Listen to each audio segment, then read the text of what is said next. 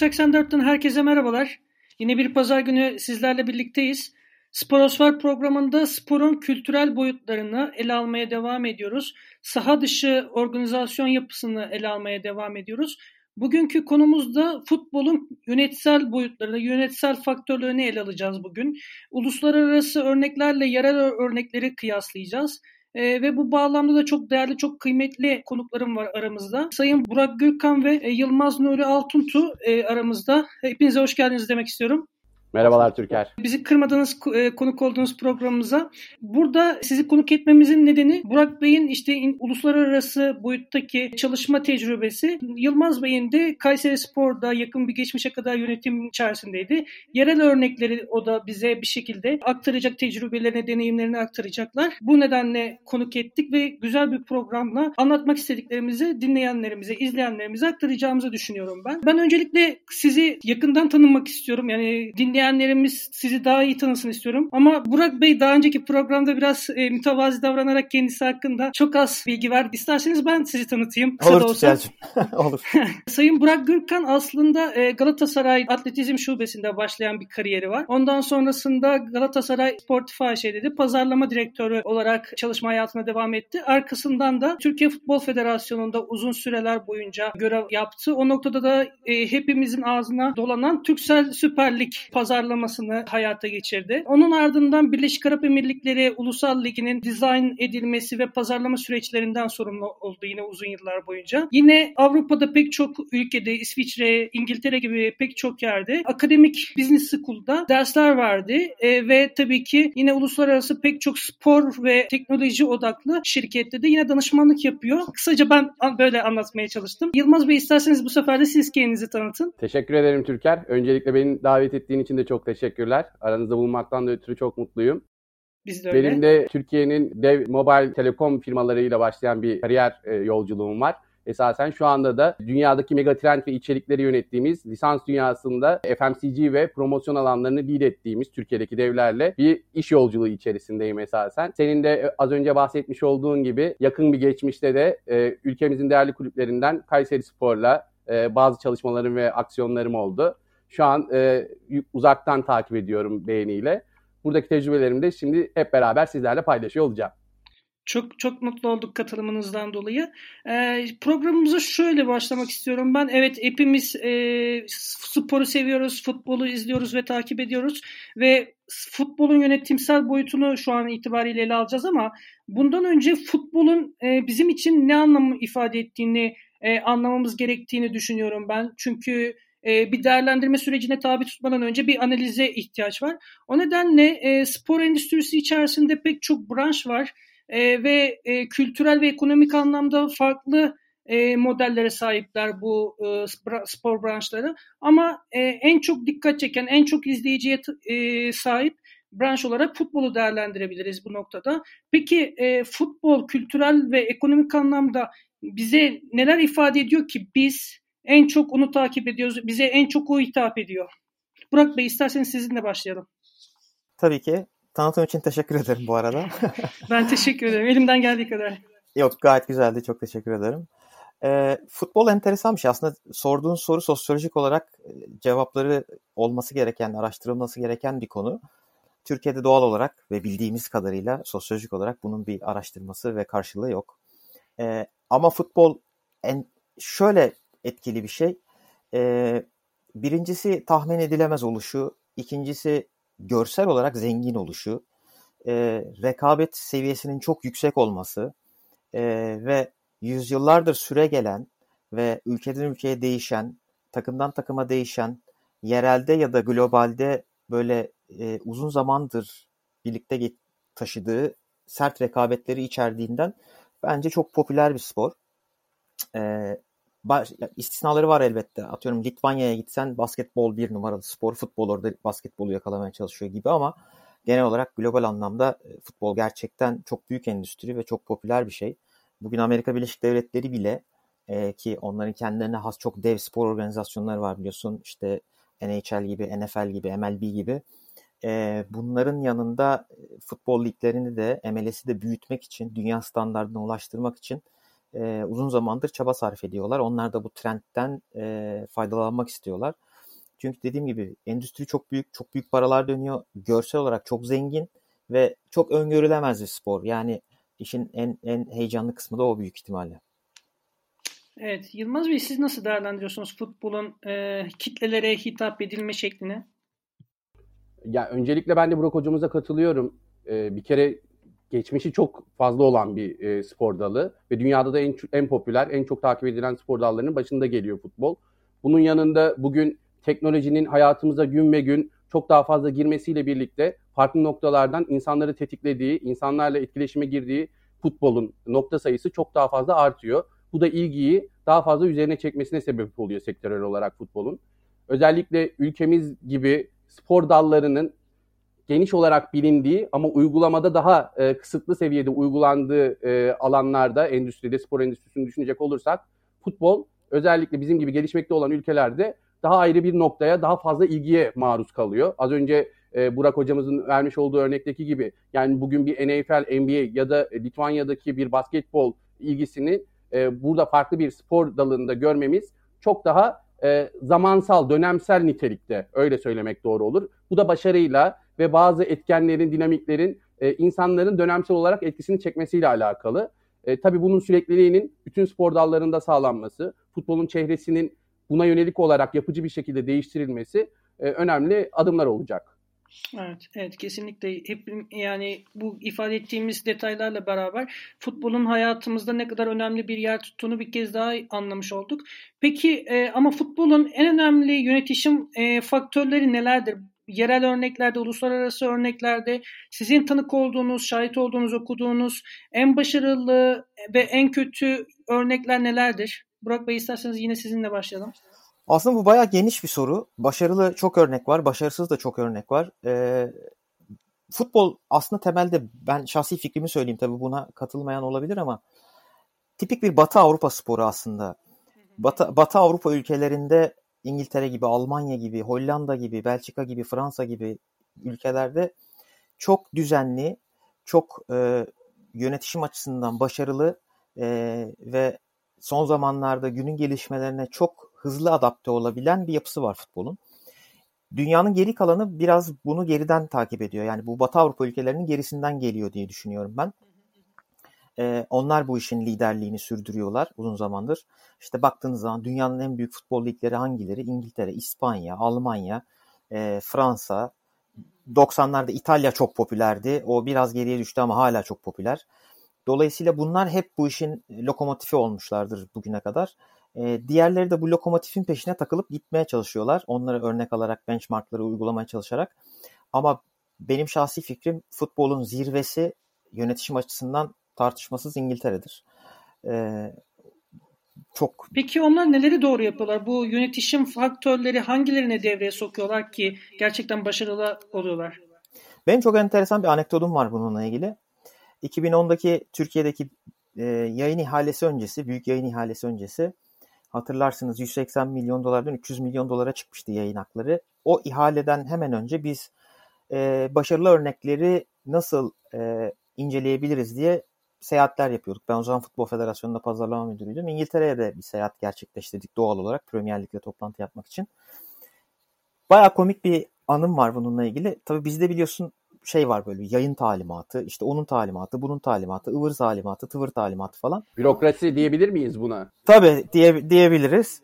Dedik ki biz toplantıda yayın talimatınız nasıl, neler yazıyor, işte nasıl adapte oluyor kulüpler buna, nasıl uyguluyorsunuz? Toplantı yaptığımız kişi durdu dedi ki bizim bir yayın talimatımız yok.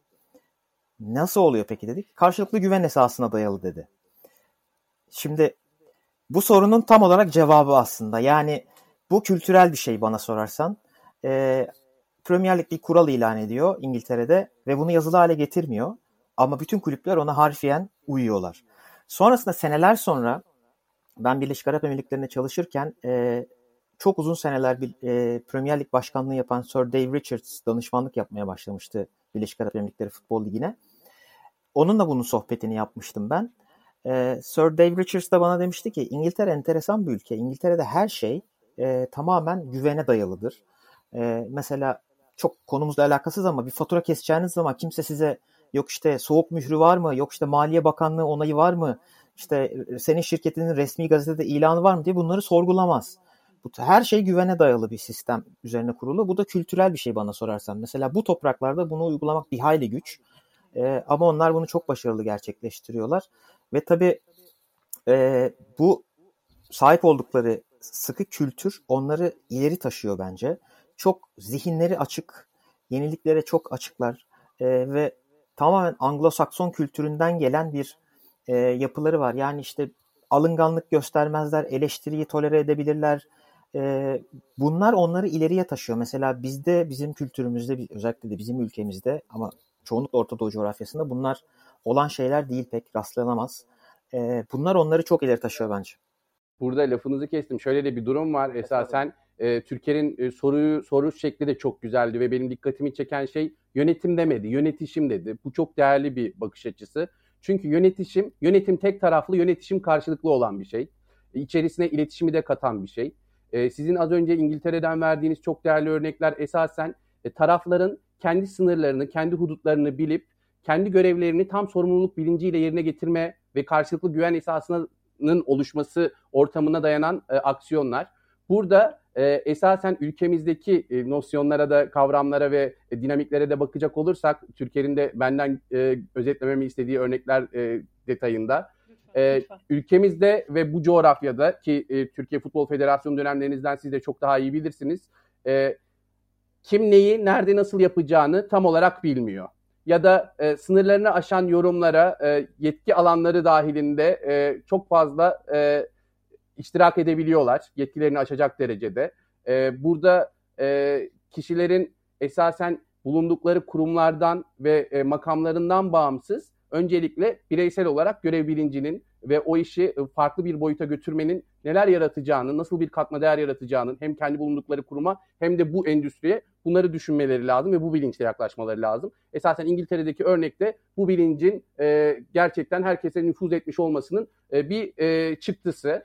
E, yani bugün günümüzde baktığımız zaman biraz yönetim ve yönetişim olaylarını şöyle değerlendirmek lazım. Partnerlerin sürekli birbirine değer verdiği, kendi sınırlarını bildiği, kendi profesyonellik, uzmanlık alanlarında güvendiği ortamlarda ve platformlarda bu ülkemizde de çok sayılı birkaç kulüp dahil. Futboldan sayılı bir e, örnek veremeyeceğim ama basketbolda bunun değerli örnekleri var. Dönem dönem gördüğümüz e, Anadolu Efes, e, bazen Fenerbahçe, Ülker gibi spor kulüplerinde. O zaman bu işlerin Türkiye'de de yapılabileceğini, olabileceğini görüyoruz açıkçası. Burada ben özellikle marka değerine biraz e, sayfa açmak istiyorum. Az önce e, Burak Hoca'nın da belirttiği gibi bugün Premier Lig, La Liga dediğimiz zaman bir futbol endüstrisinin, bir futbol markasının dışında gerçekten işte yayıncılıkta, modada, farklı noktalarda e, ma- farklı markaların bir araya geldiği platformlar görüyoruz. İşte bugün Premier Lig kendisinde Netflix'i, La Liga kendisinde Netflix'i rakip görüyor. Yani bu, bu tip ortamlardayız. Yani olayın boyutunu çoktan aşan e, şeyler var, e, yayınlar var, sunumlar, sun, sunumlar var, çıktılar var. Çünkü tüketicinin ne istediğini, tüketiciyle sürekli iletişime geçmenin, etkileşime geçmenin ne kadar değerli olduğunu, onlara kendi dünyalarında, kendi istedikleri dünyalarda farklı şeyleri sunmanın ne kadar değerli olduğunu bilen organizasyonlar bu organizasyonlar. Tüketici zaten belli bir süre sonra işin içerisinde olduğunu kendisi hissediyor ve işin parçası oluyor. Bu ne oluyor? İşte commercial tarafta e, consumer product almayla oluyor ya da e, subscribe channel'larda üye olmayla oluyor. E, oradaki pay TV'ye e, uzun vadeli üyelikle oluyor. Ama sonuçta bir değer hissediyor. O değer algısını buluyor. Bu da yönetişimi, karşılıklı etkileşimi, karşılıklı iletişimi sağladığı için daha değerli kılıyor. Değerlendirme kıstaslarından az buçuk e, bahsettik. E, peki sizin e, aklınıza gelen somut örnekler var mı? Başarılı örnekler ve başarısız örnekler. Benim mesela hani uzun vadede gördüğüm en iyi işte pazarlama ve kurumsal yapı, kimlik anlamındaki en başarılı örneklerden birisi Manchester United'tır. Yani zaman zaman sportif başarı elde edebiliyorlar, zaman zaman sportif anlamda başarısız rollere bürünebiliyorlar ama hep aynı çizgide e, ivmelenmelerine devam ediyorlar. E, kurumsal kimlik anlamında, pazarlama anlamında, görünürlük anlamında e, sürdürülebilir bir yapıları var. Sizin aklınıza gelen olumlu olumsuz örnekler neler? Manchester United çok güzel bir örnek gerçekten. Takımın ligdeki durumu ne olursa olsun marka değeri hep yukarıda Manchester United'ın ama bu genelde bütün İngiliz takımlarında olan bir şey. Çünkü şimdi şunu keşfetmiş İngilizler. Markaya yatırım yapmak e, aslında çok değerli bir şey. Ve o işi büyütmek için yani kulübü bir noktadan başka bir noktaya taşımak için bu sadece transfer ettiğiniz futbolcuyla ya da getirdiğiniz teknik direktörle olan bir şeyin olmadığını çok önce anlamışlar ve markaya sürekli yatırım yapıyorlar. E, dolayısıyla da bu onları çok başka yerlere götürüyor. Örneğin e, hep derslerimde de bu örneği veririm. Aşina olabilirsiniz. Mesela Abramovich Chelsea'yi satın aldığı zaman ilk yaptığı şey futbolcu transfer etmek olmadı. Gitti Peter Kenyon'ı CEO olarak transfer etti. Ee, şimdi bu çok değerli bir hareket aslında. Bizde kulüplere baktığınız zaman işte genel müdür, CEO bunlar zaten yok. Ee, yönetim kurulu üyeleri günlük işlerin içinde ama onlar da kendi işleri olmayan bir şeyi takip etmek istedikleri ve buna çalıştıkları için e, olmuyor, eksik kalıyor. Zaten kendi işleri var, zaten kendi bir hayatları var. E, onun dışında buna vakit ayırmaya çalıştıkları için artık milyar dolarlık sektörlerden bahsediyoruz. Dolayısıyla da olmuyor. Yani ee, alanının ee, uzmanları kendi işlerini yapamıyor. O fırsat yapamıyor. verilmiyor diyorsunuz değil mi? Çok doğru. Aynen. Bu işi bilen insanlar istihdam edilmiyor, sorumluluk ve yetki verilmiyor vesaire. Bugün mesela baksan Manchester United diyoruz. Çok başarılı örnek diyoruz. Manchester United'ın yönetim kurulundan 3 kişi sayabilir miyiz? Kimse sayamaz bence. Ee, dolayısıyla asıl bence başarıyı getiren bu. Orada bir makine var. Dişlileri sürekli çalışıyor. Bizde kişilere bağımlı. Her şeyi geçtim lafınızı kesiyorum. Manchester United'ın başkanını sorduğunuz zaman bana asla cevap veremem buna. Yok kimse veremez büyük ihtimalle. Bu kadar başarılı bir kulüp. Bahsetmiş olduğunuz gibi sportif başarı dışında da esasen başarılarıyla gündeme gelen bir kulüp ve gerçekten çok değerli bir örnek. Bugün Brand Finance'in değerlendirme kıstaslarına baktığımız zaman biraz da oradan e, bazı noktaları e, point out etmek istiyorum. Şöyle şeyler ortaya çıkıyor. Real Madrid, Manchester United, Bayern Münih, Barcelona, Paris Saint Germain gibi kulüpleri ele aldıkları zaman. Bunlar neler?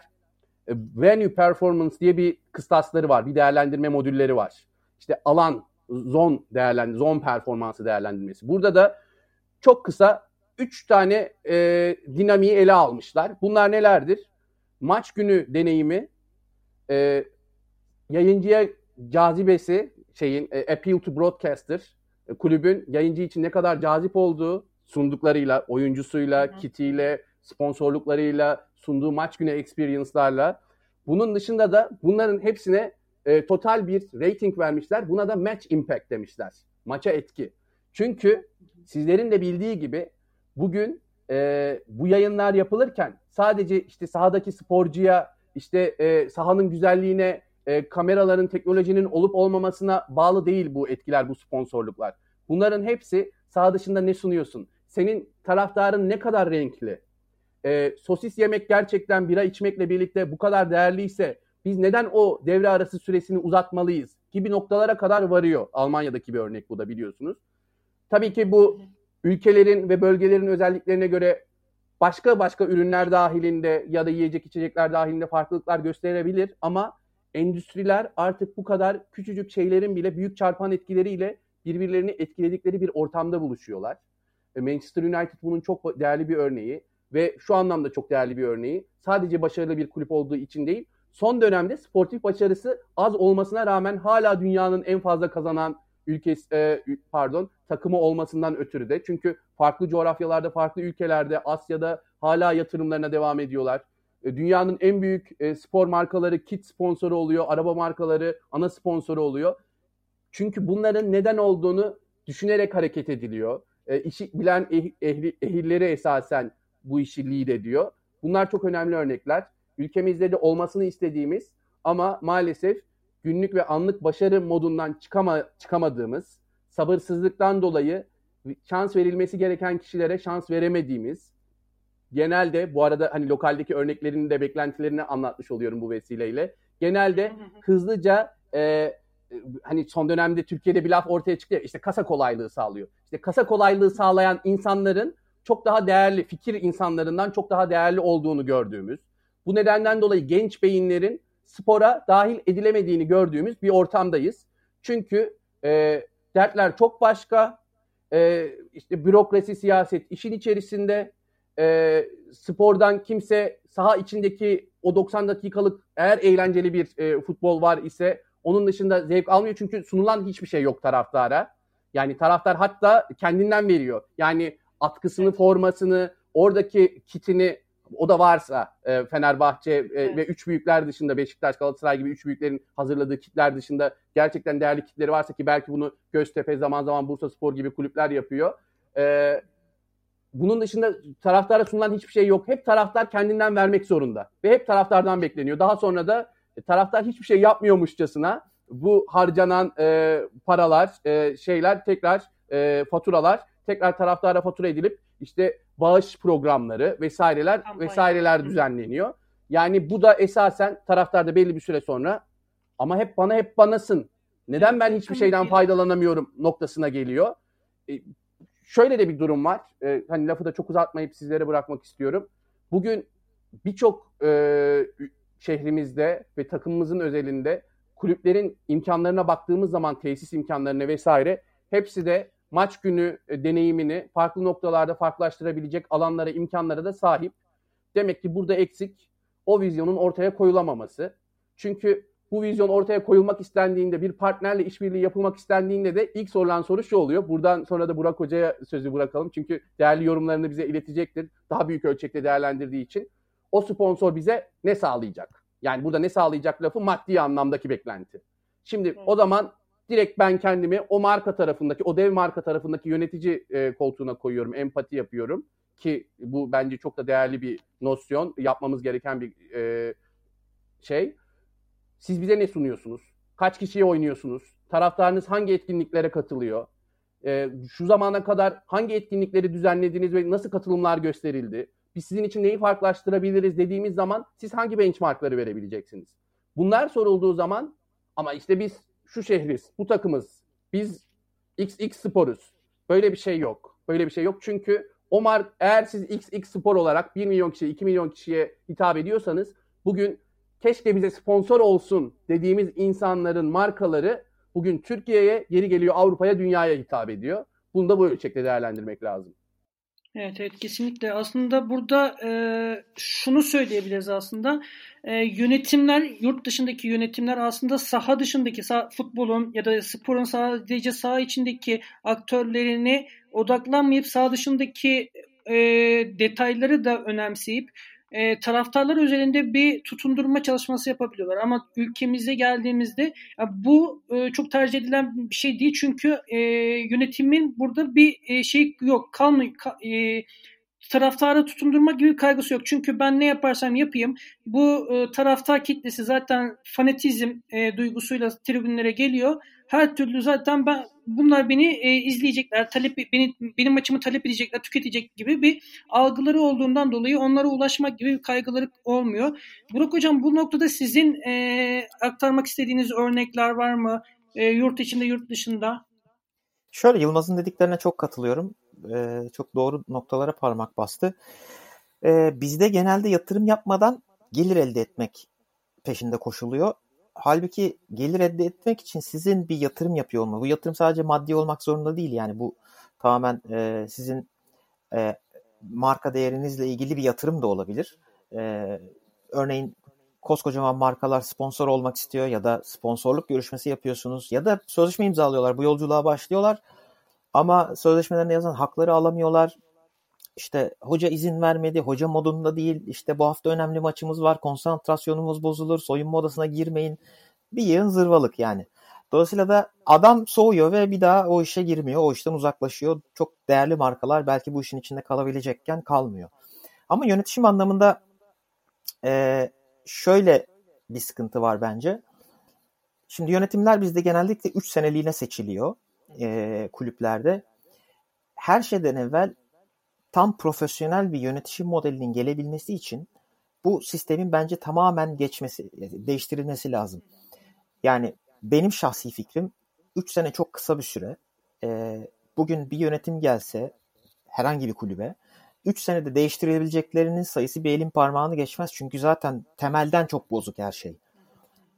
Dolayısıyla bunun olduğu gibi değiştirilmesi lazım. Bence şahsi fikrim sahiplik modeline geçilmesi lazım. Ama bu sahiplik modeline geçilirken de her isteğinin kulüp satın alamıyor olması lazım. Bunu bir denetim mekanizmasının olması lazım. Ee, bu denetim mekanizmasının sonunda mesela örnek vereyim. e, mesela Hollanda'da bir kulüp satın almak isteseniz siz bugün gidip paranız var Hollanda'da bir kulüp satın almak istiyorsunuz. Hollanda Futbol Federasyonu'nun onay mekanizmaları var. Onu beklemek zorundasınız. Onaylamazsa alamazsınız kulübü. E, dolayısıyla buna benzer bir takım mekanizmalar kurulup bu işin sağlam zemine oturtulup sahiplik sistemine geçilmesi bence şart. Çünkü 3 sene çok kısa bir süre ve kalabalık yönetim kurullarında her kafadan bir ses çıkıyor. E, bir karar almak pek mümkün değil. Sonuçta başkanın dediği oluyor. İçeride çok değerli fikirleri olan insanlar olabilir ama onlar çoğunlukla fikirlerini yerine getiremiyorlar, gerçekleştiremiyorlar. E, dolayısıyla da bu sistem artık olayın maddi büyüklüğünü yürütebilecek bir mekanizma değil benim şahsi fikrim. E, bu nedenle de bunun temelden değişmesi lazım.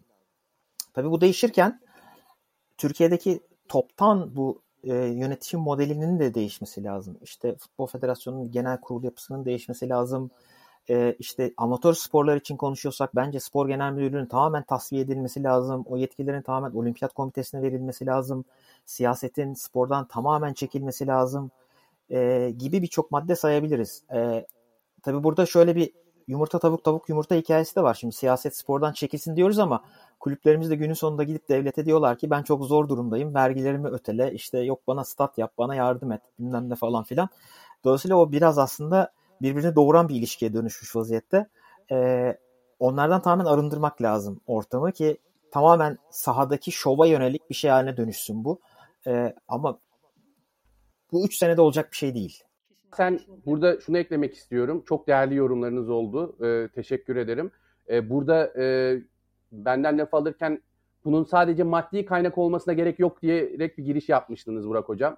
Ee, burada tabii ki kalifiye insan kaynağı da çok değerli. Sizin de belirtmiş olduğunuz gibi. Yani işin uzmanlarının bu işleri lead edebiliyor olması. Şimdi sizin dediğiniz noktaya geleceğim tabii ki. Geriden e, tüme varım yöntemiyle geliyorum. E, bugün bu sizin dediklerinizin yapılıp e, farklı organların sporun içerisinden sıyrılmış olabilmesi için esasen sizin dediğiniz gibi onları sporun içine çeken de kulüp yöneticileri bir yerde. Çünkü belki onlar da söz sahibi olmak istemiyor bu kadar. E, çünkü Türkiye gerçekten Türk futbolundan bahset, bahsediyorsak 80 milyonluk bir ülkeden bahsediyoruz. Belki daha fazla. Çok büyük bir e, popülasyon. E, bugün bu kalifiye insan kaynağını işin içine ne kadar çok yedirebilirsek o zaman daha çok brand partnership'ler, marka ortaklıkları gerçekleşecek. O zaman markalar daha fazla zaman içerisinde sizin dediğiniz gibi öyle 1-2 senede 3 senede olmamakla beraber zaman içerisinde win-win organizasyonu daha iyi gördükçe daha fazla kaynak ayrımına gidecekler belki ve buna yönelik yatırımlarını devam ettiriyor olacaklar.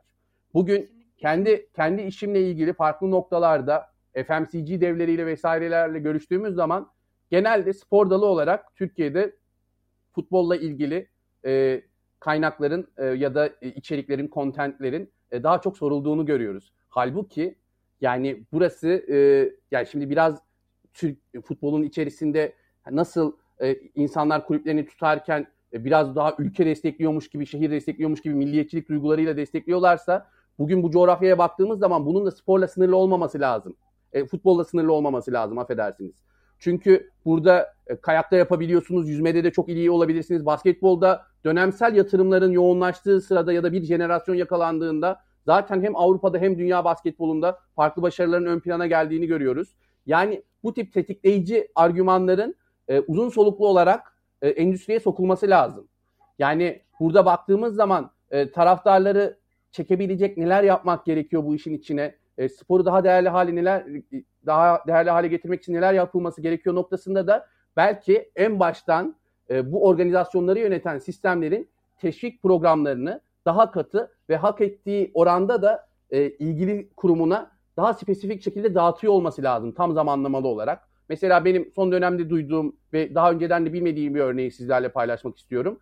Euroleague Digital Transformation Fund adı altında e, spor organizasyonlarını yani e, Euroleague'deki değerli basketbol kulüplerine e, tanıtım anlamında değerli işler yaptığın sürece ben seni monetize edeceğim, ben seni fonlayacağım e, diye bir e, esasen e, girişime başlamış. Ve bu girişimde de ülkemizden de Anadolu Efes kurduğu zaten yaptığı işlerle de zaten bu kalite belli oluyor. Ki o kalitede ona sponsorları da getiriyor farklı noktalarda. Bu fondan yararlanma imkanına sahip olmuş. Yani şimdi Türkiye'de de futbol endüstrisinde dön endüstrisinde dönen para miktarını hani bizleri kesmiyor farkındayız ve gün ve gün azalıyor bunu da biliyorum ama sonuçta o pastanın büyüklüğünü düşündüğümüz zaman diğer sporlara oranla bu şekilde teşvik programları vesaireler olsa belki işe profesyonel yaklaşma olayı daha da artacak. Kesinlikle. Ee, izninizle ben de bir şey eklemek istiyorum bu noktada. Bence Burak Hoca'nın da söylediği gibi hani Türkiye'deki futbol odaklı kurumların ve şahısların yani işleyiş planlamalarında bir düzenlemelere gitme, düzenlemeye gitmesi gerekiyor. Çünkü e, Burak Hoca da bahsetti işte Milli Olimpiyat Komitesi'nin işlevsizliğinden işte keza daha önce konuk ettiğimiz e, Türkiye Milli Paralimpik Olimpiyat Komitesi'nin yine keza işlevinin sınırlı olmasından dolayı yani Gençlik Spor Bakanlığı veya federasyonlar gerçekten bu noktada e, kendi yapılarında belli bir dizayna gitmeleri gerekiyor. Çünkü e, kurumsal firmalar e, bir şekilde onlarla temas edeceği zaman e, hiçbir kurumsal işleyişe tabi olmadan sadece kişisel bağlantılarla, kişisel ilişkilerle e, bir şekilde temas etmeleri gerekiyor o noktalara ve bu noktada e, kılıcı bir e, işleyişi engel oluyor. Çünkü bir pozisyonda birisi olduğu noktada e, o ayrıldıktan sonra tamamen biten kişisel ilişkiler e, bir daha sonraki döneme aktarılamıyor. E, ve kılıcı ve sürdürülebilir bir yapıda elde edilemiyor böylelikle. O noktada gerçekten e, rol dağılımının çok net bir şekilde e, dizayn edilmesi gerekiyor. Doğru. Kulüplerimizde yüzlerce insan çalışıyor. Büyük kulüplerden bahsediyorum. Diğerlerinde Hı-hı. o kadar insan çalışmıyor olabilir. Kayseri Spor örneğin Yılmaz daha iyi bilir kaç kişi Hı-hı. istihdam ediyorlar ama mesela bu sayısal çokluğun da e, departman bazında dağılımı aslında çok dengesiz. Yani büyük kulüplere bakıyorsunuz 100-150 milyon euro gelir üreten organizasyonlar pazarlama departmanında 2 kişi 3 kişi çalışıyor. Yani işte bir pazarlama planı yok, iş planı yok, sponsorluk programı yok vesaire. Tamamen gün geldiği gibi yaşanıyor. E, dolayısıyla da bunlar hepimizin ortak e, hemfikir olduğu gibi kişinin eğer orada oturan kişi çok cevval ve başarılıysa onun e, başarısı oranında bir noktaya ulaşıyor. Eğer yönetim de onu destekliyorsa şahane. Eğer yönetim bu işlerle hiç alakasız değilse, o noktada da yetkin biri oturmuyorsa konu bitti zaten. Orada dükkanı kapatıyoruz. Ee, isterseniz şöyle devam edelim. Benim e, bu noktada aktarmak istediğim anekdotlardan birisi de şu. E, Türkiye global Türkiye futbolu global entegrasyonunu şu an e, sonlandırıp tamamen içe kapalı bir e, döngüye e, giriş yaptı. Bunun en temel nedenlerinden birisi de yani siyasi ira- iradeden bağımsız bir şekilde ekonomik ve yönetim fonksiyonlarını devam ettirememesi Türk futbolunun, kulüplerin, federasyonun. E, bu noktada e, siyasetçiler mi futbolu e, domine ediyor yoksa e, spor yöneticileri mi siyaseti domine ediyor? Çünkü e, gerçekten aslında tiyatral bir hava var. Çünkü e, spor kulüpleri tamamen mağdur, ihtiyaç sahibi, e, ezilen, haksızlığa uğrayan tamamen mağdur. E, siyasetçiler tamamen yardım elini uzatan fedakar, cev, cevval bir şey e, yapıya sahip ama o mağdur olan kulüpleri de kendi güdümünde kontrol etmeye çalışan bir otorite e, sembolize etmeye çalışıyorlar. Yani sizin düşünceniz bu noktada ne? Hangi taraf birbirine ağırlık basıyor ki böyle içe kapalı bir sisteme büründük? Ben şöyle düşünüyorum. Türkiye'de siyaset bizim iliklerimize işlemiş vaziyette. Hayatımızın her noktasında siyaset var bizim. Şimdi spor dediğimiz şey aslında bir şov olayı, bir zevk, bir keyif olayı. Ve siyaset Ve siyasetten hiç... tamamen bağımsız değil mi hocam? Bağımsız aynen. Kesinlikle siyasette hiç ilişkisi olmaması gereken, tamamen zevk için, keyif için izlenmesi ve tüketilmesi gereken bir şey. Oysa bizde böyle değil. Ee, tamamen siyasetin birebir içinde olduğu ve müdahil olduğu bir organizasyon, spor. Yani hangi spordan bahsediyorsak fark etmez. Basketbol, futbol, voleybol hepsi böyle. Dolayısıyla e, siyasetin bu kadar içinde olduğu bir yapının spor branşı ne olursa olsun zaten çağın gereklerine uyup e, ona uygun davranma şansı hiç yok. Çünkü siyasetin ihtiyaçlarına göre davranıyor çoğunlukla. Dolayısıyla da e, çok içe kapanık bir yapı haline dönüşüyor. E, bu siyaset kısmı ile ilgili değerlendirmesi. Bir diğer yönü de e, tamamen e, yönetişim açısından değerlendirirsek konuyu. Ben mesela Futbol Federasyonu'nda çalıştığım süre boyunca senelerce uluslararası yayın haklarının e, Futbol Federasyonu'nda kalması gerektiğini, futbolumuzla ilgili kliplerin hazırlanıp gerekirse ücretsiz bütün dünyaya dağıtılması gerektiğini ve bir talep yaratılması gerektiğini iddia ettim. Ama tabii ki kulüplerimizin acil nakit ihtiyacı hep öncelikli olduğundan her şeyi bir paketin bir torbanın içine koyalım bir yayıncıya çok yüksek bedelle verelim ve alabildiğimiz en yüksek parayı alalım fikri hep hakim olduğundan o hiç gerçekleşemedi. Şimdi baktığımız zaman Türkiye Futbol Federasyonu ligi uluslararası düzeyde satabilme yetkisine sahip değil. Bunu yayıncıya veriyor. E, senelerce Dijitürk yurt dışında kutu satacağım merakına e, ligimizin maçlarını yurt dışında satmayı reddetti. Satmadı yani. Dolayısıyla da e, uluslararası açılımı gerçekleşemedi ligimizin. Bir diğer konuda tabii sponsorluk. Şimdi ligin isim sponsoru kim? Spor Toto. Devletin bir kurumu. E, Spor Toto bugün kendi reklamını yapması gereken bir kurum mu? Elbette ki değil. Çünkü Spor Toto bir regülatif kurum aslında. E, marka yani yarışmacı bir marka değil Spor Toto. Dolayısıyla da sahip olduğu sponsorluk değerini köpürtmesi gerekmiyor. Halbuki orada uluslararası bir marka olsa, atıyorum işte Vodafone olsa, Red Bull olsa, kim olursa fark etmez. T-Mobile biri olsa o doğal olarak bir marka refleksiyle hareket edecek ve ligi uluslararası düzeyde köpürtmek için, pazarlamak için bir faaliyet içine girişecek. Spor Toto ise sadece parayı veriyor ve gerisine karışmıyor. Çünkü zaten öyle bir ihtiyacı yok. İşte Türkiye Kupası, Ziraat Türkiye Kupası, Ziraat Bankası. Yine rekabetçi bir banka değil, devletin bir bankası. Ve uluslararası düzeyde de bunu köpürtmek gibi bir ihtiyacı zaten yok. Bir diğer örnek, Süper Kupa. Senelerce Almanya'da oynandı bu maç. Ee, uluslararası bir ürün olarak konumlamıştık biz onu. Şimdi Diyarbakır'da falan oynanıyor. Ee, İstanbul'da oynanıyor. Yani Diyarbakır'da maç oynanmasın demiyorum. Elbette ki oynansın ama Süper Kupa maçı olmasın bu. Süper Kupa yine yurt dışında oynansın. Uluslararası konumlansın. Türkiye Kupası finalde oynatın siz. Belki yerel bir özel turnuva. Belki yerel bir özel turnuva yapılabilir. Aynen. Dolayısıyla Türk, Türk futbolu bu nedenle de çok içe kapanıyor. Bir de tabii son zamanlardaki bu süper anlamsız bulduğum tartışma yabancı sayısı. İşte kısıtlayalım, azaltalım mı, daha mı az olsun, 8 mi olsun, 5 mi olsun, 3 artı 5 mi olsun, 5 artı 8 mi olsun, 2 artı 3 mü olsun falan böyle saçma sapan matematiksel denklemler, kısır döngüler. Bunlar da tamamen tabii e, hiçbir araştırmaya dayanmadan, hiçbir analize dayanmadan yapılan yorumlar. Şimdi biri çıkıp şunu diyebilir mi ki Türkiye'de? Ben bir analiz yaptım. İşte bu analizin çıktılarına göre Türk futbolunda işte sınırsız yabancı olursa şu sonuçları elde ediyoruz, 8 yabancı olursa bu sonuçları elde ediyoruz diye bir çalışma yok. Farazi yorumlar, ayakları yere basmayan yorumlar, işte 8 biri çıkıyor diyor ki 8 yabancı oynasın. Tamam 8 yabancı oynasın. Tamamen böyle gerçekleşiyor. Dolayısıyla da çok yerel kalıyor. Futbolumuz global anlamda büyüyemiyor. Ve başarı endeksi de ölçülmüyor bu noktada. Yani örnek veriyorum şu an nispeten daha yabancı sayısının daha rahat olduğu belli dönemlere göre bir noktadayız. Şu an e, yurt dışında e, başarılı lejyoner dediğimiz e, direkt e, 8-10 tane oyuncu sayabiliriz diye düşünüyorum. Bu her zaman mümkün evet. olan şeyler değildi. E, bu arada siz lafınızı tamamlamış mıydınız Burak Hocam? Evet evet evet. Yani ben şu bu noktada şöyle bir söze girmek istiyorum izninizle. Burada ben lig yönetimlerini marka değerini sağlayan e, kurumlar olarak görüyorum ve lig yönetimlerinin belli standartları e, kulüplere yani kendi altındaki organizasyonlara e, kural olarak e, lanse etmediğini düşünüyorum. E, bu çok önemli. Yani ne demek bu?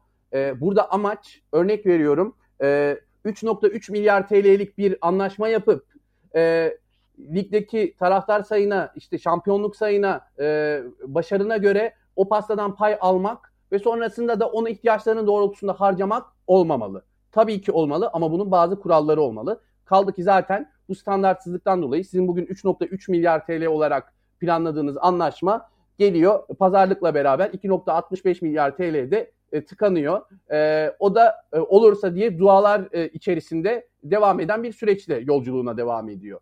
Bugün Premier Lig'e, La Liga'ya, İtalya'daki Serie A'ya vesaireye baktığımız zaman bütün harcanan paraların belli standartları ve kıstasları var.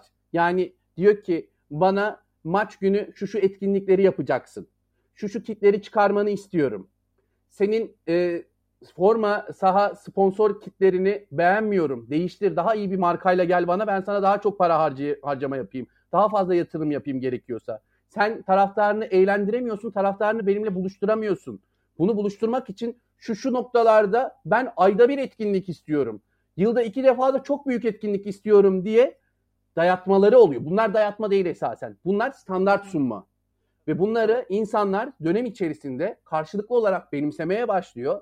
Bundan hem taraftar daha fazla zevk alıyor, değer görüyor çünkü. Başının okşandığını, sırtının sıvazlandığını görüyor. Daha fazla para harcamaya kalkıyor kendi imkanı oranında. Ve kulüp de bundan keyif aldıkça bu kurallara daha fazla uymaya başlıyor. Sahanın zeminini düzgün yap, görseli güzel olsun gibi değil mi mesela? yani şimdi bugün İngiltere'de dünyanın en çok yağış alan coğrafyalarından bir tanesidir. Tam bilmiyorum iddialı konuşmayayım ama öyle bildiğimiz kadarıyla. Zemini zeminin ne kadar ve ne zaman çok bozuk gördük ben hatırlamıyorum. Yani ben alt ligler dışında hatırlamıyorum. Bunun dışında bugün Tottenham Hotspur diye bir takım var. Yani e, biliyorsunuz çok ciddi yatırımlar yaptılar tesislerine, tribünlerine vesaire. Keza son dönemde Leicester City'de. Bugün en fazla taraftarıyla etkileşime geçen ve bu gelirlerini çok hızlı bir şekilde artırarak ilk 5'e doğru bu alanda yolculuğuna devam eden 5 kulüpten bir tanesi Tottenham kulübü. Yani e, bunların hepsinin bir geri dönüşü var. Ama Tabii. o standartların olmaması, bunların bazı kurallara tabi olmaması, e, yönetimlerin kendi o anki dertlerini ve ihtiyaçlarını karşılayıp sonrakinde de ya bu da zorunlu değil, bu şu günde yapmasak da olur, ilk önceliğimde değil deyip kişilerin bireysel inisiyatifleriyle hayatlarına devam etmesi o organizasyonu kurumsallardan çıkartıp tamamen bireysel e, kendi halinde e, o anki e, az önce isim vermiş olduğunuz gibi baştaki kişilerin yönetim performansına, becerisine ya da beceriksizliğine bağlı olarak ilerleyip marka değerini de borsa gibi zikzak işaretleriyle e, ilerlemesini sağlayan bir duruşa geliyor esasen. Bu anlamda da yönetilmesi, içe dönmesi, e, tiyatral olması kaçınılmaz bu durumların. E, az önce çok değerli örnekler verildi. E, bugün Almanya'daki e, düzenlenen turnuvalar işte Katar'da planlanıyordu son dönemde yanlış hatırlamıyorsam evet. yapılamadı. Bunlar tabii ki marka yolculuğu açısından değerli ama bu da şu, şu anlamda değerli. Yani örnek veriyorum 20 Mayıs'ta e, Türkiye Süper Kupası düzenlenecek Gersenkirchen'de Almanya'da. Yani bunun lansmanları, e, marketingi, pazarlaması bir hafta iki hafta öncesinden yapılmaz. Bu seneye yayılır. O e, Gersenkirchen bölgesindeki e, insanların iki ayda bir, üç ayda bir farklı organizasyonlarla buluşması, o rekabetin daha tatlı bir halde artırılması, orada belki fan zonların kurularak bunun merchandise tarafında satışlara lanse edilmesi vesairesiyle bunun yılı kapsayan bir deneyime, bir müşteri yolculuğuna dönüştürülmesi sağlanırsa işte o zaman Almanya'da der ki ya siz bu, burada sadece Türkiye Süper Kupası'nı yapmayın. Arzu ederseniz burada farklı organizasyonları da düzenleyelim. Ya da bizim Audi Kap'a sizden iki takımı alalım bu sene vesaire derler. Hani 7 senede bir, 10 senede bir belki bir takımı e, bazı başkanların vesairelerin e, nüfusuyla davet etmenin dışında başarıyla da davet ederler. E, bu tip şeyleri düşünüyorum esasen bu noktada. Ben şimdi burada bununla ilgili çarpıcı bir örnek vereceğim. E, ben uzun zaman Süper Kupa sponsorluğu satmaya çalışırken Futbol Federasyonu'nda işte bu işin ne kadar özel ve bilgi gerektiren bir iş olduğunu anlatmak için bu örneği veriyorum. Markalara şunu anlatmaya çalıştım. Bana diyorlardı ki Süper Kupa tek maç. Bir maç için niye para ödeyelim? Ben de onlara diyordum ki bu aslında bir maç değil. Bunu şöyle düşünmeniz lazım. Süper Lig başladığında kampanyanız başlar. Türkiye Kupası başladığında yine ayrı bir kampanya başlar. Ve dersiniz ki Süper Kupa yolculuğu başlamıştır ara ara Süper Kupa maçı oynanana kadar o süreçte ligin ve kupanın tüm aşamalarını takip edip iletişimi sıcak tutup iletişim kampanyaları düzenleyerek Süper Kupa sponsoru olmanın e, faydasını elde edebilirsiniz. Şimdi benim konuştuğum insan markadaki pazarlama bilmiyor mu? Biliyor ama futbolu bilmek bambaşka bir şey.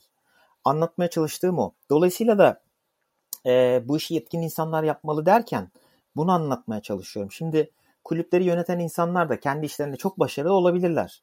E, kendi özel hayatlarında çok başarılı olabilirler. Ama bu başka bir bilgi birikimi ve deneyim gerektiren bir iş. Dolayısıyla da makro kararları evet onlar onaylasınlar. Ama mikro düzeyde günlük işlerin işleyişinde işi bilenlere bırakmak zorundalar ki yönetişim başarılı bir şekilde çarkları işletsin. Hı hı. E, tespitlerimizi yaptık, aktarmamız gerekenleri aktardık. E, aslında şurada artık son olarak kritik bir soru devreye giriyor. E, evet, Türk futbolunda reformlara ihtiyaç var. Ama peki bu reformlar için e, kimler, nasıl ve neler yapmalı e, soruları geliyor. Burada belki isim bazlı e, vermeyebiliriz ama e, belki pozisyon bazlı anla, pozisyon bazlı e, rolleri e, aktararak kimin neler yapması gerektiğini bize kişisel düşüncelerinizi paylaşabilirseniz sevinirim ben. Ee, başta da dediğim gibi aslında çok radikal değişimlere ihtiyaç var bence e, önemli sonuçlar alabilmek için. Ben e, dediğim gibi şahsi fikrim katılmayan olabilir ama ben satın alma ve sahiplik sisteminin mutlaka olması gerektiğini düşünüyorum.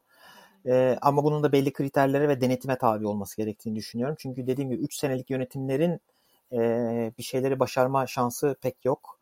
E, profesyonelleşmek mecburiyet bana sorarsanız. E, bu nasıl gerçekleştirilirle ilgili ise e, kanuna yani meclis düzeyinde bir kanuna gerek olduğunu düşünmüyorum ama Futbol Federasyonu bu konuyla ilgili düzenleme yapabilir. İşte her kulübün bir CEO'su olacak, genel müdür olacak, bir yapılanması olacak vesaire gibi. E, dolayısıyla bu takip edilebilir. E, ölçülebilir başarılar e, gerekiyor. E, yani bugün bir kulübe sorduğunuzda hedefiniz nedir diye herkes şampiyon olmak istiyor ama böyle bir şeyin olma ihtimali zaten yok. E, bazı kulüplerimiz için hedef şampiyon olmak da olmayabilir e, diyebilir ki ben 3 futbolcumu her sene yurt dışına göndereceğim altyapıdan. Ben e, üretici bir kulüp olacağım vesaire. Bu gibi ölçülebilir başarılar şart gerekiyor. E, Futbol Federasyonu'nun genel kurul yapısının tamamen değişmesi gerekiyor. E, az sayıdaki profesyonel kulübün çok sayıdaki amatör kulübe hükmettiği, o profesyonel kulüpler içinde de büyük kulüplerin sözünün geçtiği bir yapı var şu anda mevcutta. Bu dünyanın en saçma sistemi olabilir ve başka bir yerde örneği var mı bilmiyorum. E, dolayısıyla bunun tamamen değişmesi lazım. Futbol Federasyonu'nun bölgesel yapılanması ve onun sonra bir tepede e, organize olması lazım. E, Kulüpler Birliği'nin aktif olarak görev alması, ligi devralması e, ve Futbol Federasyonu sadece regülatif olarak hayatına devam etmesi gerekir.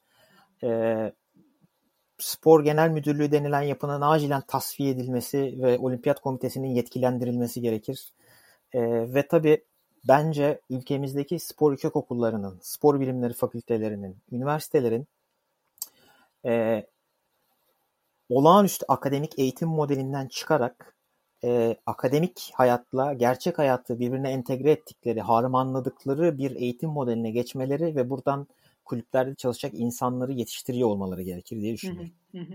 E, 2019'da e, Gençlik Spor Bakanlığı'nın yaptığı bir çalıştay vardı. E, tüm federasyonları e, kapsayan e, yani en geniş kapsamlı tabii futbol federasyonu e, yer almıştı ve oradaki kulüpler yer almıştı. Oradaki çalıştayda çoğu e, çoğu paydaş aslında bu sahiplik modelinin hayata geçirilmesine yönelik kararlar almışlardı. Hatta yerel yönetimlerdeki belediyelerin içerisindeki futbol kulüplerinin, spor kulüplerinin de artık özelleştirilmesi gerektiğini, işte branşlara ayrılarak bu özelleştirilmenin gerektiğini altını çizmişti. Ancak bu sanırım pandeminin de etkisiyle beraber spor yatırımlarının e, azalmasıyla beraber bu şu an itibariyle e, gerçekleştirilemedi ama bunun e, devreye sokulacağını e, tahmin ediyorum o çalıştaydan alınan bir e, geri dönüş olarak. E, bu e, yüksek okullar konusunda bahsettiğiniz e, detay da çok önemli olduğunu düşünüyorum. Ben çünkü yani şu, baktığımız zaman spor yönetimi veya spor pazarlaması anlamında Türkiye'de bunu aktarabilecek herhangi bir e, yüksek lisans programı, doktora programı ne yazık ki yok. Bunu bu eğitimleri alabilmeniz için yurt lisans dışına da yok. Evet evet ön lisans da yok. Bunları alabilmeniz için yani yurt dışına gitmeniz gerekiyor. E, dolayısıyla sadece BESYO meslek yüksek okullarının verdiği eğitimlerle e, yönetim anlamında ya da yönetişim anlamında bir takım bilgilere sahip olup o kulüpleri, o federasyonları, spor organizasyonları yönetmeniz pek mümkün değil. O yüzden söylediğiniz o anekdotlara çok katılıyorum. Ee, Yılmaz Bey sizin aktarmanız gereken e, hususları da dinleyelim. dinleyelim. Zaten birçok ve çok değerli noktayı sizler e, belirttiniz. E, ama şunlara en azından e, ekstra katıldığımı özellikle belirtmek istiyorum. E, sahiplik kavramının şirketleşmeden geçtiğini düşünürsek, e, şirketleşmenin ben de çok önemli olduğunu düşünüyorum. E, çünkü e, burası bir devlet kurumu gibi değil, e, gerçekten e, kar amaçlı bir organizasyon gibi e, yürütülmeli. Bütün kulüpler özelinde konuşuyorum. E, yönetici kısmında da e, evet e, ona da katılıyorum senin de son belirttiğin noktada. E, sadece e, spor akademilerinden gelen kişilerle, onlar da çok değerliler bu, ana, bu arada. O an o o değil anlamında demiyorum. Ama gerçek dünya ile az önce Burak hocamızın da belirtmiş olduğu gibi gerçek dünya ile konuşmaları lazım. Yani gerçek dünya ile o dünya arasında çok fazla fark var. Çok fazla nitelik farkı da var. İstenen nitelik anlamında da fark var. Uçurum Bunlar var çok arada. önemli noktalar. Bu profesyonelliğin sağlanması kesinlikle gerekiyor. Ve e, bu noktada esasen e, ne zaman bu şekilde kurumsal bir düzlemde, şirket düzleminde bakarsa kulüpler esasen standartlarını yükseltmiş olacaklar. Burada bazı şeyleri e, yöneticilerin çok daha fazla görmüş olması lazım, görmesi lazım. Yani burada fan engagement tarafında taraftar etkileşimi, e, esasen onlara ana gelir getiren kalemlerin farklı başlıklar anlamında olmazsa olmaz olarak sıralanması. Bunlar nelerdir işte hepsini saydık. Tekrar etmekte fayda var.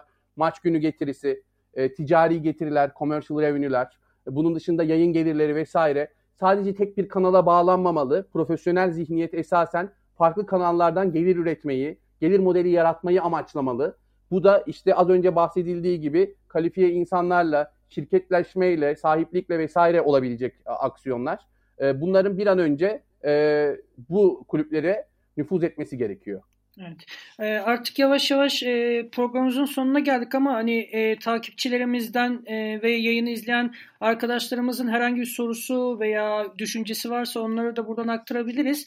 E, ben e, izleyenlerimizden gelen e, birkaç yorumu da burada detaylandırmak istiyorum. E, izin izninizle kalan bir 5 dakikalık süreç içerisinde. E, Türkiye'deki sahiplik modeline geçildikten sonra e, marka olabilme yani Süper Lig'in ya da kulüplerimizin marka olabilme becerileri, kabiliyetleri artacak mı artmayacak mı? Bu noktada sizin düşünceleriniz neler? Ben %100 artacağını düşünüyorum. Çünkü o zaman sah- kulübün sahibi olan kişi harcadığı paradan e, ve yaptığı işlerden birebir sorumlu olacak. Dolayısıyla marka değeri ne kadar büyürse e, ona da getirisi o kadar yüksek olacak. Basit bir denklem yani. Yılmaz Bey sizin aktarmak istediğiniz, eklemek için. Katılıyorum yani. Sonuçta kar amaçlı yönetiyor ve başarı odaklı yönetiyor olacak. Ee, orada kendi forsunu ve tanıtımını yapmak adına değil, e, şirketinin başarısı ve gücünü kanıtlamak adına var oluyor olacak. Bu da çok e, farklı iki dünyaya esasen e, yol açan e, dinamikler. Sanıyorum başka e, bana aktarılan bir e, yorum ya da e, düşünce olmadığına göre e, artık e, yayınımızı sonlandıralım. Hepinize, ikinize de her ikinize de çok teşekkür ederim. E, geldiniz, e, katkı sundunuz. Çok değerli fikirlerinizi ifade ettiniz. E, detaylı rakamsal e, verileri e, sundunuz, tecrübelerinizi sundunuz. E, katkılarınız çok önemli olduğunu düşünüyorum. Umarım bu e, aktardıklarımızda e, gerekli yerlere ulaşır ve e, bazı düzenlemeler, bazı yeni dizayn etmelerle beraber reformer bir hareket e, sağlanabilir. E, o zaman e, yavaş yavaş kapıyor, kapıyorum. E, Daktilo 1984'te Sporos var. Yine pazar günü burada olacak. E, bizi takip etmeyi, yorum yapmayı beğendiyseniz e, beğen tuşuna basmayı ihmal etmeyiniz lütfen. E, haftaya tekrar burada görüşmek üzere. Hoşçakalın. Hoşçakalın. Hoşçakalın. Teşekkürler.